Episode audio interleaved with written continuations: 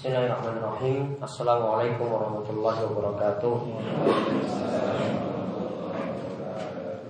Alhamdulillahirrahmanirrahim Hamdan kafiran tayyiban barakan fi kami yuhibbu rabbuna wa yardah Wa asyhadu an la ilaha illallah wahdahu la syarika lah Wa asyhadu anna Muhammadan abduhu wa rasuluh Allahumma salli ala nabiyyina wa sayyidina Muhammad Wa ala alihi wa man tabi'ahum bi ihsan ila yaumiddin Allahumma anfa'na bima 'allamtana وعلمنا ما ينفعنا وزدنا علما اللهم إنا نعوذ بك من علم لا ينفع ومن قلب لا يخشع ومن نفس لا تشبع ومن دعوة لا يستجاب لها Alhamdulillah para jamaah Bapak-bapak pengajian Ahad pagi yang semoga selalu dirahmati dan diberkahi oleh Allah Subhanahu wa taala. Kita bersyukur pada Allah atas nikmat karunia kesehatan, umur panjang yang telah Allah berikan kepada kita sekalian sehingga pada kesempatan pagi hari ini setelah kita menjalankan sholat subuh kita kembali melanjutkan pengajian ahad pagi secara rutin mengkaji kitab terutama tentang masalah akidah yang bisa memperbaiki iman kita dan ketakwaan kita kepada Allah Subhanahu wa taala. Semoga Allah Subhanahu wa taala memberikan kita terus ilmu yang bermanfaat, memudahkan kita untuk beramal soleh, memberikan kita rezeki yang baik, serta memberkahi waktu-waktu kita senantiasa berada dalam kebaikan. Baik kali ini kita akan melanjutkan pembahasan Al-Kabair tentang dosa besar karya Imam Az-Zahabi rahimahullah. Kita sampai pada dosa besar nomor 35. Kita sampai pada dosa besar nomor 35 yaitu yang Zahabi mengatakan At-ta'allum di dunia wa kitmanul ilmi. Yaitu termasuk dosa besar adalah menuntut ilmu. Yaitu maksudnya mempelajari ilmu agama tujuannya untuk cari dunia saja dia menuntut ilmu agama tujuannya untuk cari dunia saja. Dan bahayanya menyembunyikan ilmu. Dan bahayanya menyembunyikan ilmu. Beberapa dalil kemarin sudah kita bahas. Di antaranya menjelaskan siapakah yang dimaksud dengan ulama Siapakah yang dimaksud dengan ulama atau orang yang berilmu? Allah Subhanahu wa taala katakan dalam surat Fatir ayat ke-28, "Innama yakhsyallaha min ibadihi al-ulama." Sesungguhnya yang paling takut pada Allah Subhanahu wa taala hanyalah para ulama, yaitu orang-orang yang berilmu. Di mana orang yang berilmu ini mereka mengenal Allah begitu dekat, paham, memahami nama dan sifat-sifat Allah Subhanahu wa taala. Kemudian mereka juga mempelajari hukum-hukum syariat. Mereka mempelajari hukum-hukum Islam. Jadi bukan hanya sekedar orang tersebut pintar berkoar-koar, pintar berorasi, pintar ngomong. Karena yang dimaksudkan ulama di sini yang menimbulkan rasa takut. Berarti kalau ada orang yang belajar agama kok tidak punya rasa takut pada Allah Subhanahu wa taala, maka berarti ilmu belum menancap pada dirinya. Ketika dia sudah tahu misalnya hukum-hukum, ya taruhlah yang kita pelajari dalam dosa besar ini. Taruhlah dia pernah mendengar dosa-dosa besar yang ada, namun kok masih melakukan berarti ya tidaklah ilmu tersebut menancap pada dirinya. Karena yang namanya orang berilmu ketika timbul rasa takut. Yang namanya orang berilmu itu ketika timbul rasa takut. Berarti di sini kaitannya juga dengan judul bab yang dibawakan oleh Imam Az-Zahabi. Orang yang berilmu berarti dia tujuannya supaya bisa memperbaiki dirinya sendiri Bukan tujuannya untuk cari pujian orang lain Bukan tujuannya untuk cari kedudukan tinggi Ketika dia mempelajari ilmu di sini yang dimaksud kalau para ulama sebut Ta'allum belajar ilmu maksudnya yang dipelajari di sini adalah ilmu agama. Yang dimaksudkan di sini adalah ilmu agama. Ketika dia pelajari berarti tujuannya murni menggapai ridha Allah sehingga dia punya rasa takut yang besar kepada Allah Subhanahu wa taala. Itulah ulama yang sebenarnya, itulah orang yang berilmu sebenarnya, itulah orang yang belajar sebenarnya. Jadi orang yang belajar tadi berarti buktikan dalam amalan. Kalau dia tahu misalnya keutamaan sholat subuh ya berarti dia jadi orang yang paling depan atau orang yang lebih bersemangat untuk melakukan sholat subuh. Kalau dia tahu tentang keutamaan sholat berjamaah di masjid, faedah-faedahnya begitu besar bahkan ada ancaman dari Rasul Shallallahu Alaihi Wasallam untuk pergi. Nah, kalau ada yang tidak pergi ke masjid, maka dia jadi orang yang paling depan juga, yang paling cepat untuk pergi berjamaah di masjid. Bukan jadi orang yang terbelakang, bukan jadi orang yang jadi tunda-tunda untuk melakukan kebajikan. Nah kemudian sekarang kita lihat pada ayat yang ketiga ini tentang bahaya kalau orang sudah mengetahui ilmu lalu dia sembunyikan. Dia sembunyikan ilmunya tersebut. Ini terjadi ketika sudah seharusnya ilmu tadi disampaikan, bukan berarti nanti pada waktu tertentu baru disampaikan. Ini sudah seharusnya sangat urgent sekali ilmu tadi disampaikan, namun juga tidak disampaikan.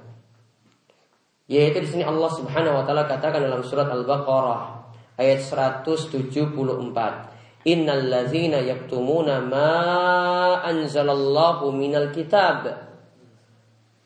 Dan sungguh orang-orang yang menyembunyikan apa yang telah diturunkan Allah yaitu Alkitab. Dia menyembunyikan Al-Qur'an ini padahal dia sudah memiliki ilmunya. Artinya di sini dia sembunyikan supaya apa? Supaya orang itu tidak tahu tentang kebenaran seperti sifat-sifat orang Yahudi. Orang Yahudi dahulu ketika mereka ingin menyembunyikan hukum rajam padahal kalau ada yang berzina maka nanti kena hukuman rajam. Orang Yahudi ini sengaja kitmatul kitmanul ilmi, menyembunyikan il, ilmu. Tujuannya apa? Biar umatnya itu nggak tahu. Biar rakyatnya itu nggak tahu, biar jamaahnya itu nggak tahu. Kalau nggak tahu, yang ulama-ulama mereka seenaknya saja ingin berbuat, Ya seenaknya saja ingin berbuat. Maka sifat orang Yahudi. Perhatikan sifat orang Yahudi Mereka itu orang yang cerdas Orang yang punya ilmu. Namun sayang ilmunya nggak pernah diamalkan. Maka kalau Kata para ulama Kalau ada wong muslim Itu sudah punya ilmu. Namun tidak mau dia amalkan. Bahkan tidak mau dia juga sampaikan. Karena takut nanti kebenaran itu terungkap maka berarti pada dirinya terdapat atau mirip dengan sifat-sifatnya orang Yahudi. Padahal kita selalu berdoa ya ketika kita membaca surat Al-Fatihah 17 kali minimal dalam sehari. Ghairil maghdubi alaihim ya walad ghairil maghdub ya. Kita meminta perlindungan pada Allah supaya tidak termasuk orang yang maghdub. Maghdub di sini maksudnya adalah orang-orang Yahudi. Orang Yahudi yang mereka ketika itu dimurkai oleh Allah karena punya sifat tahu ilmu namun tidak mau diamalkan. Tahu ilmu namun tidak mau diamalkan. Mereka sembunyikan ilmunya tadi di antara bentuk disembunyikan tadi, dia enggan untuk menyampaikan kepada umat karena takut misalnya umatnya itu lari, karena takut yang lain nanti tahu kebenaran, karena takut ia ada tendensi-tendensi atau faktor-faktor dunia di balik itu. Makanya di sini ada kaitannya tadi, ya menuntut ilmu karena dunia atau menyembunyikan ilmu juga karena dunia. Ada maksud dunia di situ. Makanya dulu ada yang namanya Heraklius, raja Romawi. Ya, dia sudah tahu kebenaran Islam. Dia sebenarnya kalau menyebut kalimat syahadat sudah bisa. Namun apa? Dia lihat di belakangnya itu Masya Allah umatnya begitu banyak. Kalau dia masuk Islam, umatnya jadi lari dan dia tidak ada pengikut apa-apa. Karena itu Heraklius itu tidak mau masuk Islam. Padahal sudah tahu dia, dia sudah tahu bagaimanakah kebenaran Islam dia waktu itu bertanya kepada pembesar-pembesar kafir Quraisy. Kalau datang, ya Heraklius tanya, itu bagaimana Nabi Muhammad? Nabi Muhammad itu seperti apa? Ya, dijelaskan kebaikannya kebaikannya seperti ini. Ah, itu benar seorang nabi. Nabi seperti itu. Dia akui. Namun sayangnya dia tidak mau masuk Islam karena apa? Karena takut umatnya lari. Maka memang resiko kalau orang itu ingin berpegang pada yang benar, mungkin jauh dari yang umumnya dilakukan oleh masyarakat atau jauh dari apa yang sudah dijadi tradisi masyarakat, pasti nanti awalnya saja dia akan dijauhi. Itu memang sudah hal yang wajar. Namun Heraklius lebih mementingkan apa? Dia lebih mementingkan, wah, saya nanti kalau nggak punya umat bagaimana? Saya kalau nggak punya masa bagaimana? Ya, saya kalau tidak punya supporter pendukung bagaimana? Semuanya akan lari sudah. Dia tidak ada lagi ya uh, kenikmatan yang dia rasakan. Padahal ini keliru. Ya, karena meninggalkan kebenaran cuma karena maksud dun dunia. Asalnya di sini yang namanya ilmu tidak boleh disembunyikan kecuali ketika ya ada waktu ya ilmu tadi itu suatu waktu nanti baru disampaikan maka ada cara untuk berdakwah di mana ada dakwah yang lebih penting dulu untuk disampaikan dan eh, kemudian kita membelakangkan atau kita tunda ada bagian-bagian tertentu yang mungkin ini akan menimbulkan cekcok atau perselisihan. Namun ini bukan hal yang urgen, bukan hal yang penting. Ya, ini bukan hal yang penting. Ada yang lebih penting daripada itu. Makanya pernah Nabi SAW itu uh, ketika itu mengutus ya atau menyampaikan kepada seorang sahabat mahakullahi alal ibad wa hakul ibad Allah. Apa yang jadi kewajiban manusia kepada Allah. Apa yang manusia wajib lakukan. Kemudian apa yang Allah harus berikan atau Allah akan berikan kepada manusia yang melakukan kewajiban pada Allah.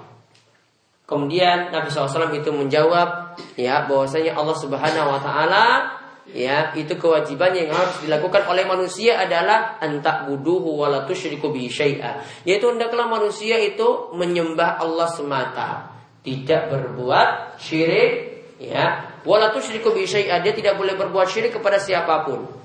Kemudian kewajiban yang nanti Allah berikan atau Allah akan memberikan ketika manusia melakukan kewajiban ini apa Allah Allah yu'adziba man la yusyriku bi Allah tidak akan menyiksa orang yang tidak berbuat syirik pada Allah Subhanahu wa taala. Maka ketika itu sahabat ini dengar Wahai Rasulullah, kalau saya sampaikan kepada manusia hal ini bagaimana? Rasulullah SAW itu mengatakan, lah jangan. Saat ini jangan untuk disampaikan. Fayat takilu karena nanti mereka terlalu menggantungkan diri pada itu. Artinya gini, pengertian hadis tadi, kalau orang tidak berbuat syirik, walaupun dia lakukan dosa besar, walaupun dia judi, walaupun dia itu pasang nomor, walaupun dia itu selingkuh, walaupun dia melakukan maksiat yang lainnya. Asalkan apa tidak berbuat syirik, maka pasti akan selamat, tidak disiksa oleh Allah. Nah ini ya sahabat ini ingin sampaikan, wah kalau saya sampaikan pada ini, masya Allah manusia akan senang. Namun ada bahaya di balik itu. Nanti orang terlalu bergantung. Oh nggak apa-apa. Yang penting kan saya nggak pasang jimat. Yang penting kan saya nggak percaya takhayul-takhayul. Yang penting kan saya nggak datangi dukun. Yang maksiat orang apa-apa pasang nomor saja nggak apa-apa. Yang penting kan tidak berbuat syirik. Pasti akan selamat. Nah ini masalahnya. Maka sahabat ini dia nunda-nunda-nunda sampai mau menjelang kematiannya baru dia sampaikan hadis tadi. Asalnya tadi dia apa? Sembunyikan ilmu. Sembunyikannya apa? Karena manusia barangkali belum bisa menerima hadis ini. Kalau disampaikan, wah orang-orang nanti, wah sudah yang penting kita akan sudah nggak apa-apa mau mabukan nggak apa-apa. Sepenting apa tadi? Nggak percaya dukun, nggak percaya tukang ramal, nggak pakai jimat, nggak sedekah laut, nggak pakai yang syirik-syirik yang dulu sudah jadi tradisi. Yang penting jangan itu, nggak apa-apa maksiat-maksiat nggak masalah. Nah, kalau dia cuma bergantung dengan itu bahaya. Padahal yang kita pilih itu yang lebih bagus. Syirik ditinggalkan, dosa besar ditinggalkan, maksiat juga di, ditinggalkan. Karena seorang tidak yakin bahwasanya tidak bisa dia pastikan untuk dirinya juga bisa selamat. Ya, tidak bisa juga pastikan untuk dirinya bisa selamat. Taruhlah dia tadi bersih dari syirik. Taruhlah dia bersih dari syirik, namun maksiat tetap jalan. Siapa yang jamin nanti dia selamat juga dari siksa neraka? Bisa jadi dia disiksa walaupun mungkin sementara waktu, namun tetap juga dapat disiksa ketika itu dan tidak ada yang sanggup menahan siksa neraka yang nanti akan diterima. Nah, kemudian itu tadi menjelaskan tentang ilmu itu asalnya jangan disembunyikan. Ya, ilmu itu disampaikan pada orang lain. Orang lain tahu kebenaran setelah kita juga tahu kebenaran. Sampaikan kepada yang lainnya namun kadang memperhatikan prioritas. Ada yang disampaikan lebih dahulu. Memperbaiki iman umat akidah umat itu lebih didahulukan daripada ada masalah-masalah yang mungkin para ulama ini sebut sebagai masalah khilafiyah. Ya masalah yang ini ada beda pendapat. Contoh kita tahu sebagian orang kalau lakukan sholat ketika sholat ketika isyarat jari ya isyarat jari ya ada yang gerakan jarinya naik turun Ya, saya pernah singgung hal ini. Kalau saya sendiri menilai hadisnya niku lemah. Ya, apakah kita ini jadikan ini sebagai perdebatan yang sengit? Wah, ada di jamaah itu kayak gitu. Ya, dia rajin sholat, namun jarinya itu naik turun seperti ini terus. Malah bocah-bocah sering guyon, "Uh, bapak eh yang ini terus loh." Nah, apakah perlu debat jamaah ini sampai dia nanti amalannya itu benar ya atau amalannya itu mengikuti kita? Jawabannya nanti tunggu belakangan. Itu tidak terlalu penting. Sudah biarkan dia. Yang penting dia sholat ya. Ini masalah yang bisa ditunda belakangan. Ini bahkan ada khilaf atau persisian di antara para ulama. Namun memang kalau kebanyakan ulama tidak menggerakkan jari naik turun seperti tadi mereka kebanyakan melemahkan hadis tersebut atau hadisnya itu digolongkan sebagai hadis-hadis yang doif atau hadis-hadis yang lemah sehingga tidak diamalkan menggerakkan jari naik turun tadi. Ya kalau ada yang seperti ini sudah dibiarkan dulu. Nih, itu bukan waktunya untuk debat. Ya, mending dia pergi ke masjid daripada debatin dia sehingga tidak lagi datang ke masjid. Wah, Bapak ini dia sudah merendahkan saya. Padahal nanti ada waktunya. Ada yang lebih penting daripada itu. Ya, daripada cuma mempermasalahkan jari yang naik turun. Jadi dakwah itu punya prioritas. Tidak semuanya disampaikan langsung trot. Ya, mungkin ada yang jadi tradisi, namun tradisi ini bisa kita nanti ya orang terima dulu lah awal-awalnya. Ya, mungkin dengan kita sampaikan masalah akidah terlebih dahulu ya. Untuk yang tradisi ini yang sudah turun temurun itu ada, nanti belakangan disampaikan. Atau kalau orang itu sudah terima Baru itu nanti ada waktunya momen tertentu baru itu disampaikan kepada orang lain. Namun kalau ya nanti pada suatu masalah yang begitu penting maka kadang kita harus dahulukan ya kadang kita harus dahulukan walaupun nanti banyak pertentangan yang jelas ada skala prioritas ada ya target terlebih dahulu mana yang harus diperbaiki ada yang mungkin bisa ditunda belakangan kalau ini malah dimajukan nanti akan membuat konflik misalnya, maka apa yang mereka bisa terima terlebih dahulu. Makanya para ulama dahulu ada yang masuk ke masyarakat itu dengan ngulang Quran. Ya, dia tidak sampaikan perkara-perkara yang nanti jadi debat dengan ngulang Al-Quran dia didik bocah-bocah misalnya sehingga ketika itu bisa selipin juga dengan akidah-akidah yang benar. Ada juga yang menyesuaikan dengan masyarakat yang dahulu itu sangat mengagungkan ahlul bait keluarga Nabi Shallallahu Alaihi Wasallam atau mereka terpengaruh dengan pemahaman Rafido atau pemahaman Syiah. Maka ketika itu ulama ini masuk, dia sampaikan tentang keutamaan keluarga keluarga Nabi Shallallahu Alaihi Wasallam supaya orang-orang cinta pada keluarga Nabi. Baru sampaikan setelah itu nantinya dia sampaikan oh cinta seperti ini jangan sampai berlebihan karena yang dilakukan oleh aliran Syiah atau Rafidah itu mereka terlalu berlebihan dalam mengagungkan keluarga Nabi Shallallahu Alaihi Wasallam sampai ada yang punya keyakinan Ali bin Abi Thalib itulah yang pantas dapat wahyu bukan baginda Nabi. Jadi Jibril dulu salah kasih wahyu. Harusnya datang ke mana? Datang ke Ali. Namun nyasar sampai kepada Nabi Muhammad. Ya, mereka yakini seperti itu. Bahkan ada yang yakini lebih. Sampai nyatakan Ali ini posisinya sampai derajat Tuhan. Kalau minta rizki ya pada Ali bin Abi Thalib. Kalau mau minta usahanya lancar ya pada Ali bin Abi Thalib. Tidak minta pada Allah. Ini berlebihan sekali. Ini bukan ngangkat sekedar ngangkat Nabi jadi Tuhan, namun ngangkat seorang sahabat tadi jadi Tuhan, derajatnya tinggi. Apakah ini mau di, langsung kita sampaikan itu keliru ataukah ada metode lain untuk menyampaikan? Ada yaitu sampaikan dulu tentang keutamaan-keutamaan Ali misalnya. Baru nanti sampaikan cara mengagungkan Ali, menghormati Ali bin Abi Thalib. Caranya seperti ini, jangan berlebihan. Jadi tinggal metode saja bagaimana disampaikan. Yang penting jangan sampai sembunyikan kebenaran, jangan sampai sembunyikan ilmu. Namun kita punya cara sendiri supaya orang-orang itu bisa terima bagaimanakah menyampaikan dakwah.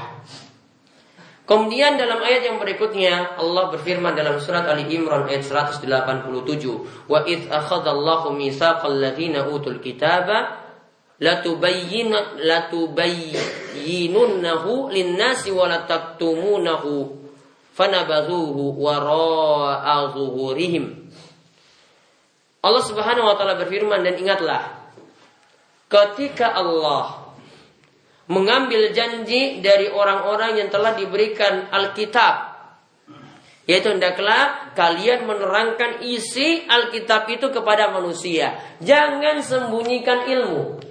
Jangan sembunyikan kebenaran. Terangkan apa adanya.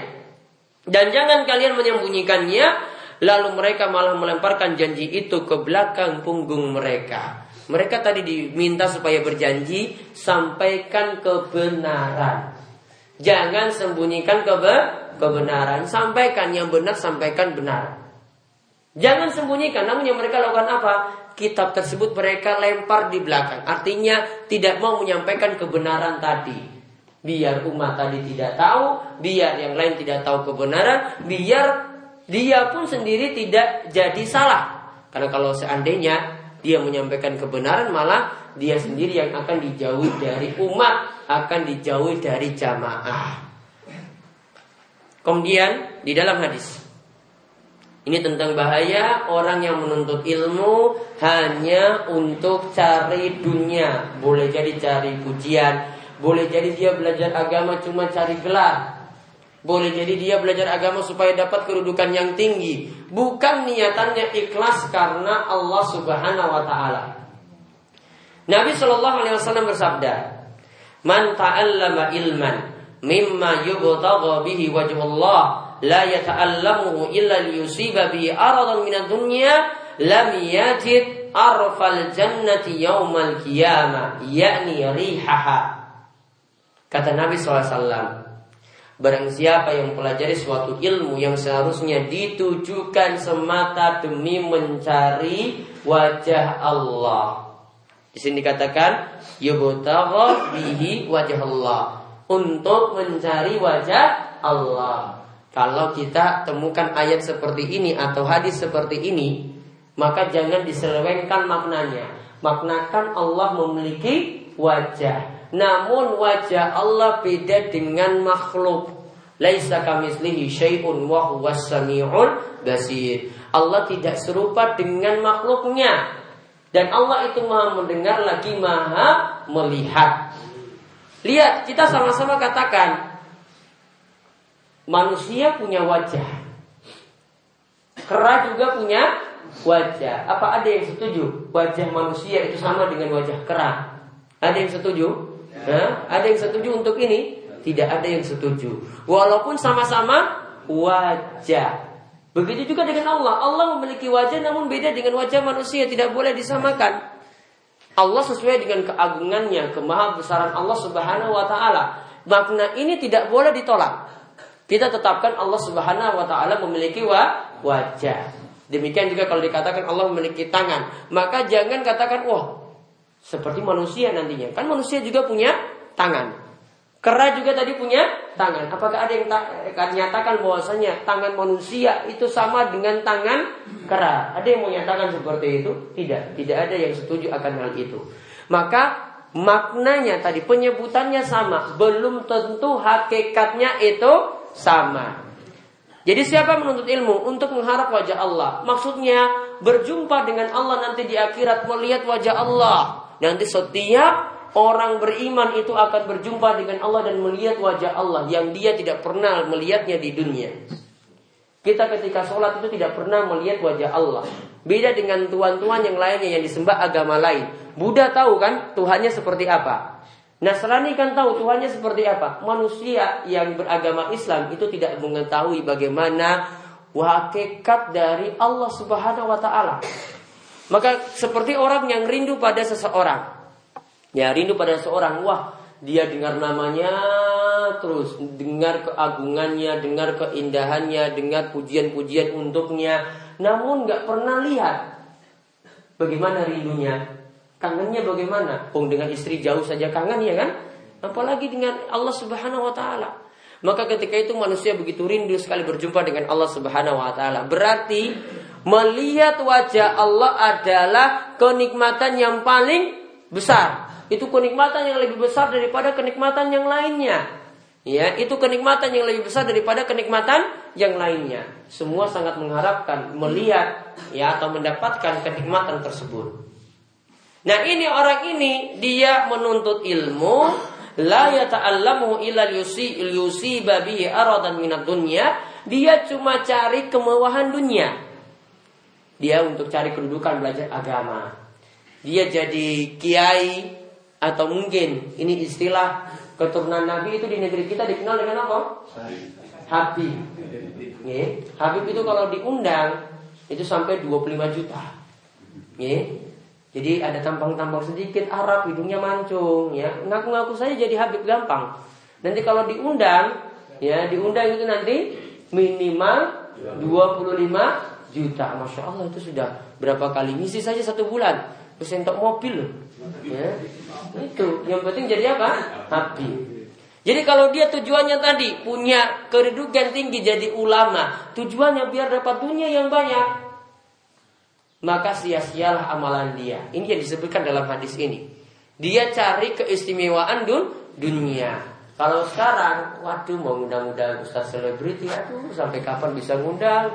Ya mereka pakai tarif, bapak-bapak sekalian. Tarifnya Sekali ngisi Pak ini sudah 40 juta Belum uang transport, belum uang makan, belum uang hotel Ya, jadi jangan harap pernah mau ngundangi apa ustad-ustad selebriti, ya artis-artis nggak bisa. Biasanya itu bayarannya saja tinggi sekali loh. Ya, mending bangun masjid, masjid sudah jadi daripada ngundang satu waktu saja. Coba. Masjid sudah jadi itu. Hmm. Sama kan tujuannya?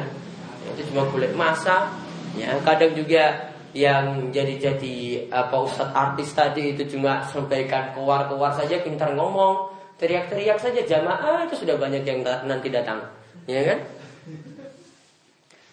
Nah ini kalau tujuannya untuk cari dunia Lam yajid arafal jannah. Maka mereka tidak akan mencium bau surga Yaumal qiyamah. Ingat bau surga itu Ini beda dengan bau masakan. Kalau bau masakan ya cuma jaraknya tertentu nggih? Jaraknya tertentu. Orang tekan satu kilo dua kilo enggak paling cuma 100 meter saja. Ambune enak kalau bau surga Masya Allah dapat dicium dari jarak yang sangat jauh sekali Jarak yang sekian dan sekian Kalau orang tidak cium baunya Sama gitu kalau kita masakan Kita nggak cium baunya ya nggak cium baunya Bagaimana mungkin makanan itu ada sama juga kalau orang itu tidak bisa mencium bau surga, maka untuk masuk saja bagaimana? Dia sangat sulit untuk masuk surga. Baunya saja nggak bisa dia cium, apalagi untuk masuk. Ya, baunya saja nggak dia cium, apalagi untuk masuk. Nah, itu gambarannya seperti itu. Maka ini menunjukkan akibat yang sangat parah bagi orang yang ketika belajar ini terutama belajar agama Belajar dunia untuk cari duit nggak masalah. Belajar ilmu ekonomi, belajar industri, belajar teknik, belajar kedokteran, cari dunia nggak masalah. Ya memang belajarnya seperti itu untuk cari kerja. Namun ini masalahnya belajar agak agama. Kalau tujuannya cuma cari dunia, musibah besar. Karena kalau orang itu sudah tujuannya cari dunia, tadi seperti orang Yahudi, sulit untuk menyampaikan kebenaran. Kalau dia sampaikan salah, wah sudah Berikutnya dia sangat sulit sekali untuk ya untuk diingatkan, untuk memperbaiki karena tujuannya untuk cari dunia. Seandainya dia mau ngomong yang benar, jamaah lari. Jamaah lari tadi 25 juta nggak dikasih lagi. Jamaah lari puluhan juta tidak dapat. Sudah tidak dapat yang dunia tadi. Ini sulitnya kalau orang itu mengajarkan agama, menuntut ilmu agama, tujuannya untuk cari dunia. Sulit. Dia untuk menyampaikan kebenaran sulit, apalagi nanti siksa di akhirat. Makanya yang kemarin disampaikan oleh Imam Zahabi pada bab sebelumnya tentang tiga orang. Di sini-sini beliau sebutkan lagi. Ada tiga orang yang kemarin yang disebutkan yang mereka orang yang mendapatkan siksa dalam neraka dengan diseret wajahnya dan dimasukkan dalam neraka. Apa saja tiga orang tersebut? Orang yang berjihad, namun dia niatannya supaya disebut sebagai seorang pemberani, pahlawan. Yang kedua apa? Orang yang menuntut ilmu dan mengajarkan ilmu, dia mengajarkan Al-Quran. Tujuannya apa? Supaya disebut sebagai orang yang pintar baca Quran atau disebut sebagai seorang alim, seorang ulama. Kemudian yang ketiga, orang yang sodakoh. Rajin sedekah supaya disebut sebagai seorang dermawan. Ini juga menunjukkan bahayanya seperti tadi. Dan di sini disebutkan oleh Imam Azhabi tiga orang tadi yang diseret ke dalam neraka. Salah satunya adalah inna ta'allamta liyuqala alim wa qadakil. Ada orang yang dikatakan dia itu menuntut ilmu, belajar agama, mengulang agama juga, dia mengajarkan pada orang lain Ternyata niatannya apa? Engkau itu cuma ingin disebut sebagai seorang alim atau ulama. Fakadakil dan itu memang nyatanya seperti itu. Itulah yang dilontarkan oleh mulutmu. Maka ini menunjukkan niatan yang jelek yang juga sekaligus menunjukkan bahaya sampai diancam dengan neraka. Ya, ini kemauan yang saya sampaikan untuk kesempatan pagi hari ini ya sampai pada separuh tadi ya belum selesai nanti insya Allah kita lanjutkan pada pertemuan pekan depan dalam kuliah sahur ya, sebelum subuh sahur. Jadi kalau bisa jam 3 seperempat kita sudah mulai. 3 seperempat. Setengah jam materi setelah itu makan sahur. Setelah itu monggo untuk kembali ke masjid masing-masing. Gampang ya kan iya. Wong di TV-TV aja ada ada kuliah sahur kan, kajian menjelang sahur loh. Ya, kita kayak gitu, kayak di TV-TV itu loh. Namun Namun kita nggak ada kamera, berarti nggak ada live, nggak ada live live cuma ini aja, cuma streaming, ya, nggak ada orang nggak lihat, jadi TV-TV di rumah nggak bisa lihat. Ya mungkin satu waktu nanti. Ada lagi uh, sebelum uh, saya tutup Nanti ada pengawasan sore nih Dan setengah empat sudah diumumkan dengan Ustaz Zainal Abidin. Setengah empat sudah usahakan sudah di sini dan nanti kita mulai. Ya kemudian sampai jam 5 nanti malamnya lagi barmisa pengawasan di sawah. Ya dekat. Yang mau datang pakai rombongan juga silakan. Yang di sawah juga nanti insya Allah akan ditanggung, ditanggung transportnya. Monggo yang mau ingin hadir dua kali ya dua kali nggak apa-apa. Biar nggak ada waktu ini ya. Koya-koya nggak ada waktu sia-sia. Nggak nganggur-nganggur terus ya. Daripada di rumah cuma delok TV saja mendingan ngaji ngaji ngaji ya kan? Nanti ya di sawah bermisa ya sampai ya jam 9 saja lah untuk pengawasan seperti biasa. Setelah itu nanti ada nanti ada sambutan. Kalau Bu Badingnya hadir nanti beliau memberikan sambutan dan insya Allah akan diundang juga jamaah-jamaah yang lainnya. Jadi terbuka juga untuk umum sama untuk yang sore tadi pada asar. Untuk malam kemis yang pertama besok kan sudah mulai tarawih pertama, gitu. Jadi libur dulu. Nanti silahkan ngurus masjid masing-masing. mulai pengawasan pada minggu pagi ya, namun sebelum subuh. Jadi jam 3 seperempat sudah di sini. Malam Kamis minggu depan ada seperti biasa nanti kita bedah atau mengkaji tafsir surat Yasin. Ya, tafsir surat Yasin selama tiga pertemuan sisanya insya Allah di bulan Ramadan kita kaji surat tersebut dan penjelasan keutamaan-keutamaan dari surat Yasin dan seterusnya. Gih, ini kemauan. Sebelum pulang tutup mau jika ada pertanyaan. Pak, mari. Assalamualaikum warahmatullahi wabarakatuh. Waalaikumsalam warahmatullahi wabarakatuh. Ustaz ini saya tanyakan di luar tema ini. Iya, Karena, eh, bahasa Ramadan yang terakhir saya tidak datang karena masih ada. Mudah-mudahan. Yang saya tanyakan bagaimana cara mendapatkan malam Lailatul Qadar itu yang pertama. Kemudian yang kedua, eh, ciri-ciri orang yang telah mendapatkan Lailatul Qadar. Kemudian ciri-ciri malam datangnya Lailatul Qadar. Tiga hal itu saja. Ustaz, terima kasih. Assalamualaikum Iya. warahmatullahi wabarakatuh. Lailatul Qadar khairum min alfisyahr. Lailatul Qadar itu lebih baik daripada seribu bulan. Para ulama terangkan maksudnya kalau bawa bapak lakukan satu ibadah saja pada bulan tersebut, mah pada malam tersebut itu lebih baik daripada dilakukan di malam yang lainnya atau di bulan yang lainnya yang tidak ada Lailatul Qadar dibandingkan dengan seribu bulan. Ya, jadi orang melakukan ibadah sekali berarti dia sama saja melakukan ibadah selama seribu bulan di mana pada bulan tersebut tidak mendapatkan Lailatul Qadar. Lailatul Qadar itu pengertiannya ada para ulama katakan malam kemuliaan. Ada para ulama katakan Lailatul Qadar itu malam ditetapkannya takdir. Jadi takdir kita untuk setahun ditetapkan pada malam Lailatul Qadar. Sekarang perlu dipahami dulu kapan Lailatul Qadar itu terjadi. Atau waktunya di malam hari itu kapan? Apa jam 11 atau jam 12 atau jam 1 atau jam 3? Di sini kembali kepada ayat yang katakan ya Lailatul Qadri khairum min alfi syahr tanazzalul malaikatu malaikat ketika itu pada turun kalau malaikat turun itu berarti bawa rahmat, bawa kebaikan, bawa keberkahan. Waruhu fiha dan Jibril juga ketika itu turun. Ya, waruhu fiha terus biizni rabbiha turun atas perintah dari Allah Subhanahu wa taala. Salamun pada malam hari itu penuh dengan kesejahteraan, ketenangan, maka sifat malam Lailatul Qadar itu tenang. Hiya hatta matla'il fajar. Dan ketenangan ini ada sampai datang su subuh. Ciri-ciri malam tersebut berarti ada ketenangan. Kemudian malam ini berlangsung dihitung dari malam sampai subuh. Jadi tidak pada jam tertentu. Kemudian Lailatul Qadar tadi itu terjadi juga pada kemungkinan besar itu pada 10 hari terakhir dari bulan Ramadan terutama pada malam-malam gan ganjil. Saya katakan di sini terutama ya karena dalam hadis dikatakan minilah pada malam-malam ganjil. Namun perhitungan malam-malam ganjil di sini ada sebagian ulama yang katakan bisa dihitung dari depan, bisa dihitung dari belakang. Dihitung dari akhir bulan. Kalau dihitung dari akhir bulan maka ada kemungkinan malam genap juga kena.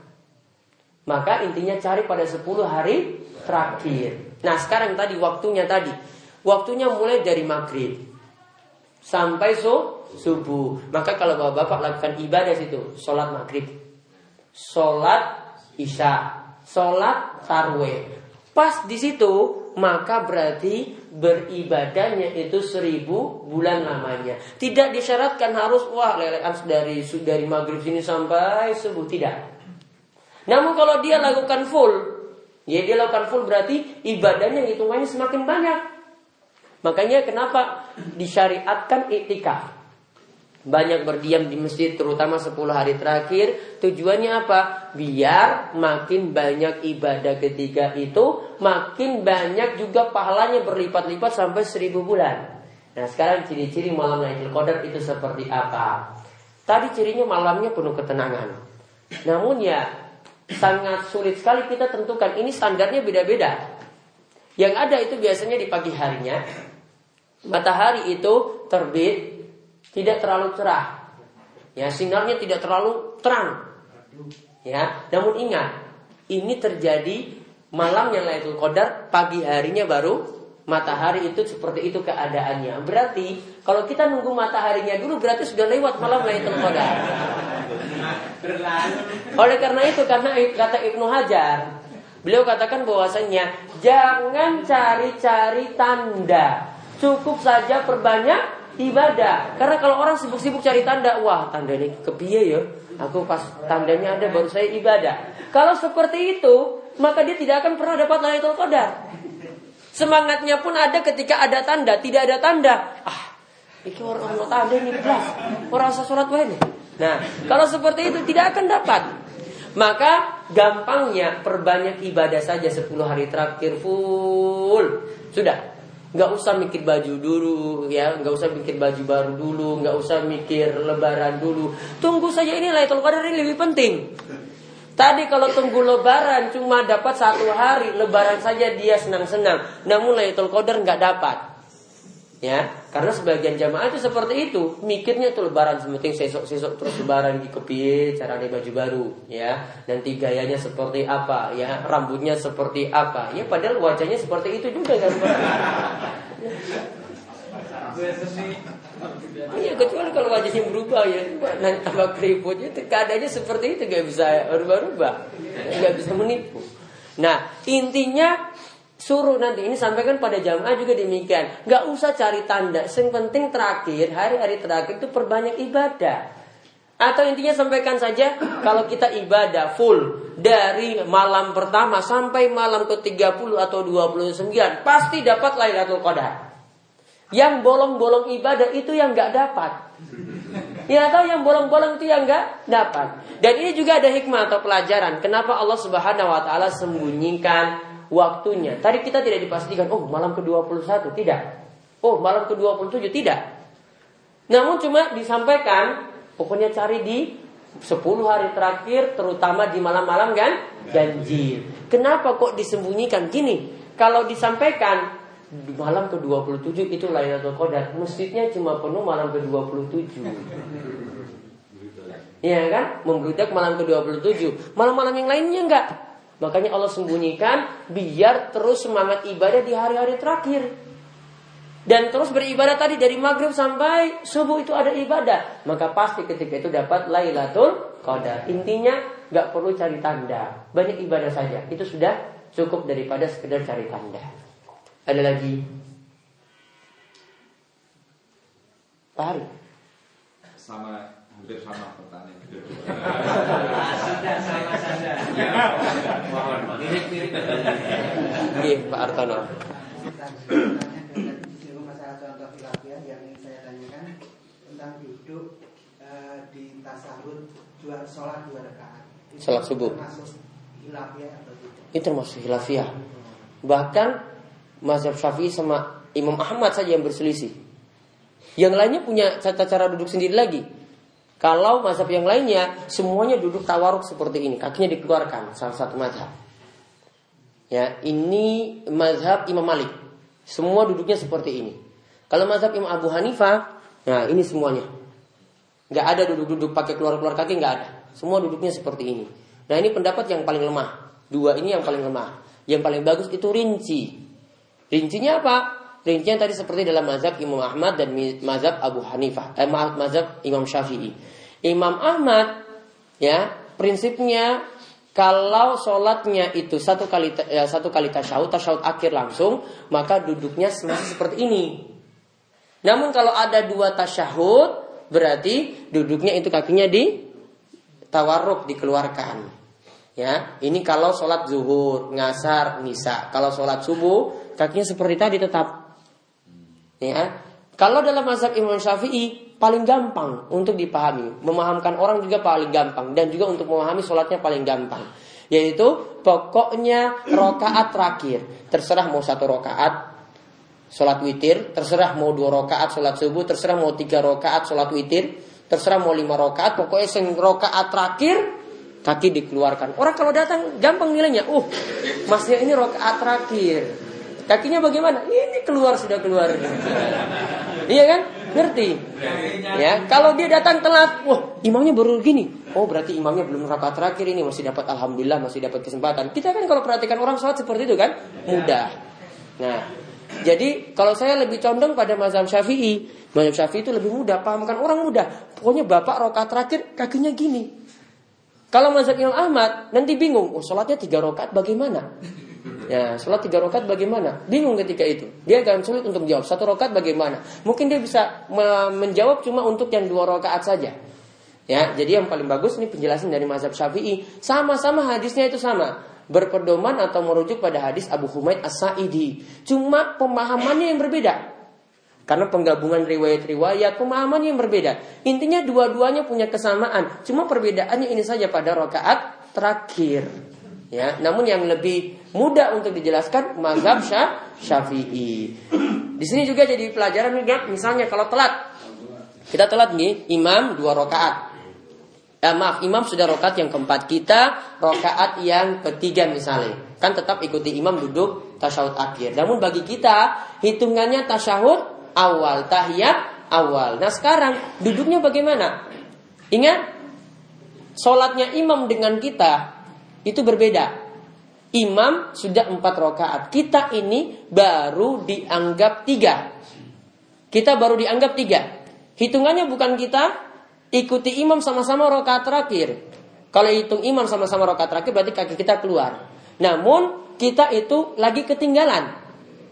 Ya, kita lagi ketinggalan ketika itu. Maka saat duduk imam itu tasyahud akhir, tahiyat akhir, kita belum, maka kaki kita tetap begini. Nanti kalau kita tahiyat akhir untuk kita, baru kakinya dikeluarkan. Nah, ini pemahaman untuk memahami hadis-hadis semacam itu. Ada lagi? Gih.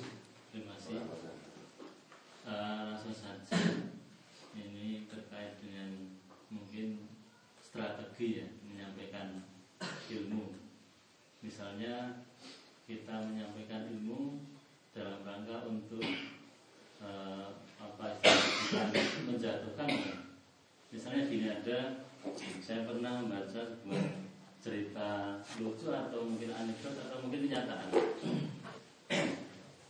ada debat antara ulama Syiah dan Sunni atau Salafi. Nah, ulama yang Sunni cuma satu orang tapi ulama Syiahnya banyak. Dikeroyok berarti. Ya, Tetapi strateginya begini, dia datang salam, kemudian cuma berkata, orang Syiah itu dulu senang nyolong sandal zaman Rasulullah. kan ini bohong ini kan kan strategi juga. Hmm. Nah, akhirnya ulama Syiah itu bilang, maaf saya Syiah zaman Rasulullah itu belum ada, tidak hmm. ada. Hmm. Berarti debat ini selesai. Bolehkah semacam itu dilaksanakan? Artinya sudah sudah final gitu. Artinya dia mengakui sendiri. Dia bumerang artinya si A belum dia ada dalam Rasulullah. Uh. Berarti kan itu berarti artinya ya sudah mengakui ya, keberadaan sendiri. Hmm. Apakah boleh semacam itu? Kita berbohong, misalnya itu setelah bagian strategi, hmm. bukan untuk menjadikan, tapi untuk memberikan untuk mengatur strategi tadi. Ya. ya.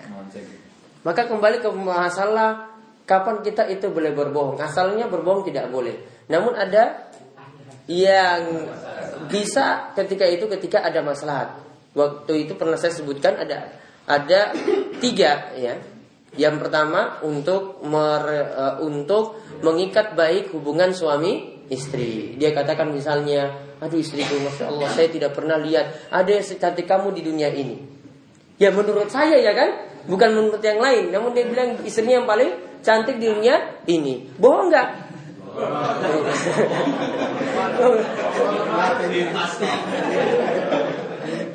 bohong nggak?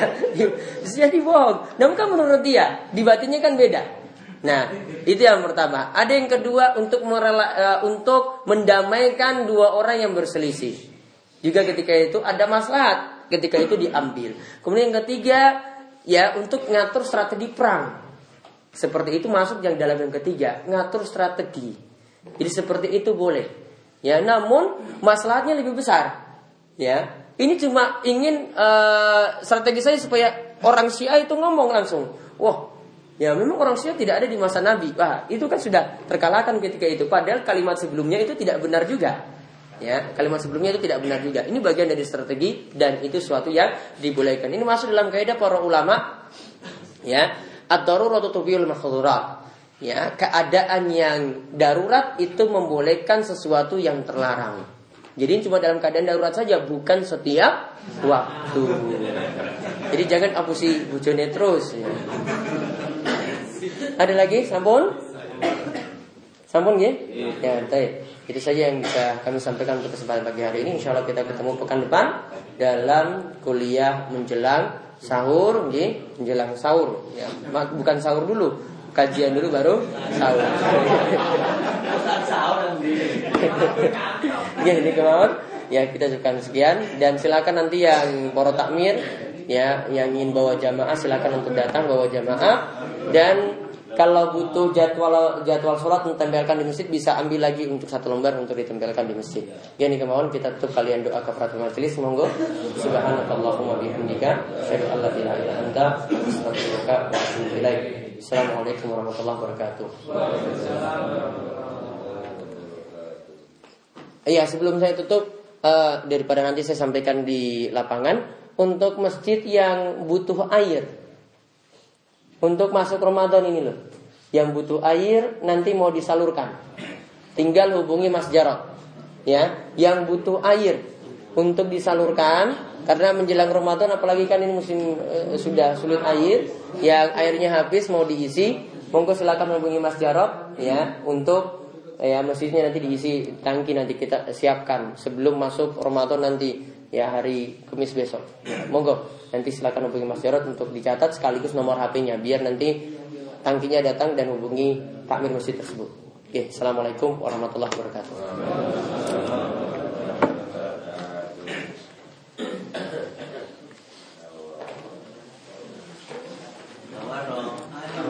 Ayah monggo sarapan. Bentar nih.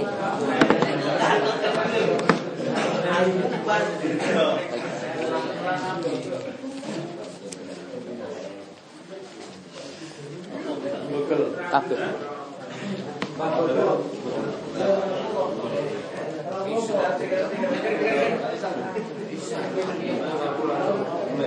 Oh iya.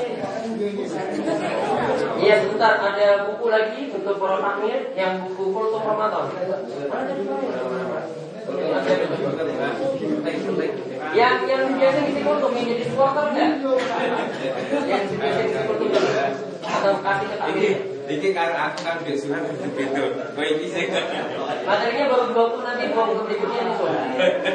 masjid yang sama judulnya bodoh terus disampaikan Bapak. Monggo sing takmir Aku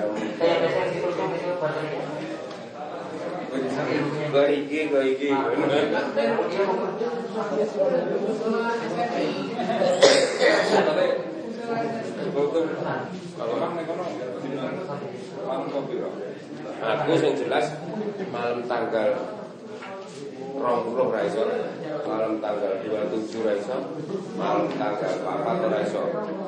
Aku wis di jadwal nang Sleman.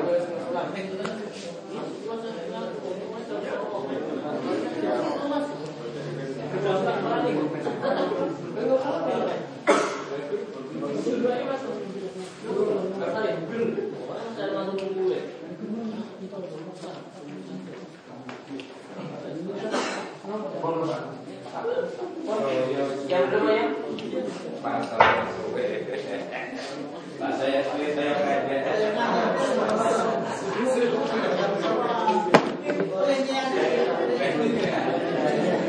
Setelah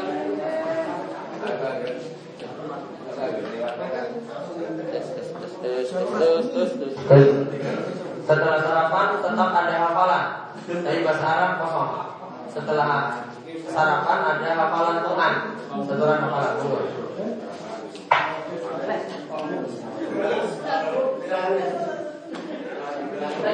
Sih sudah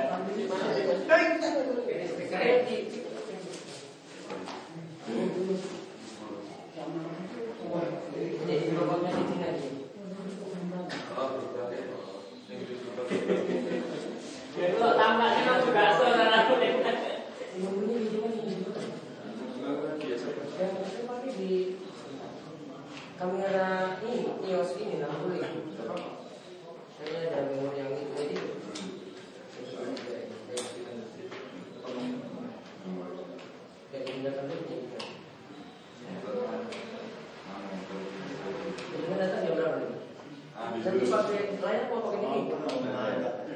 Saya berarti ini ini berarti. Anu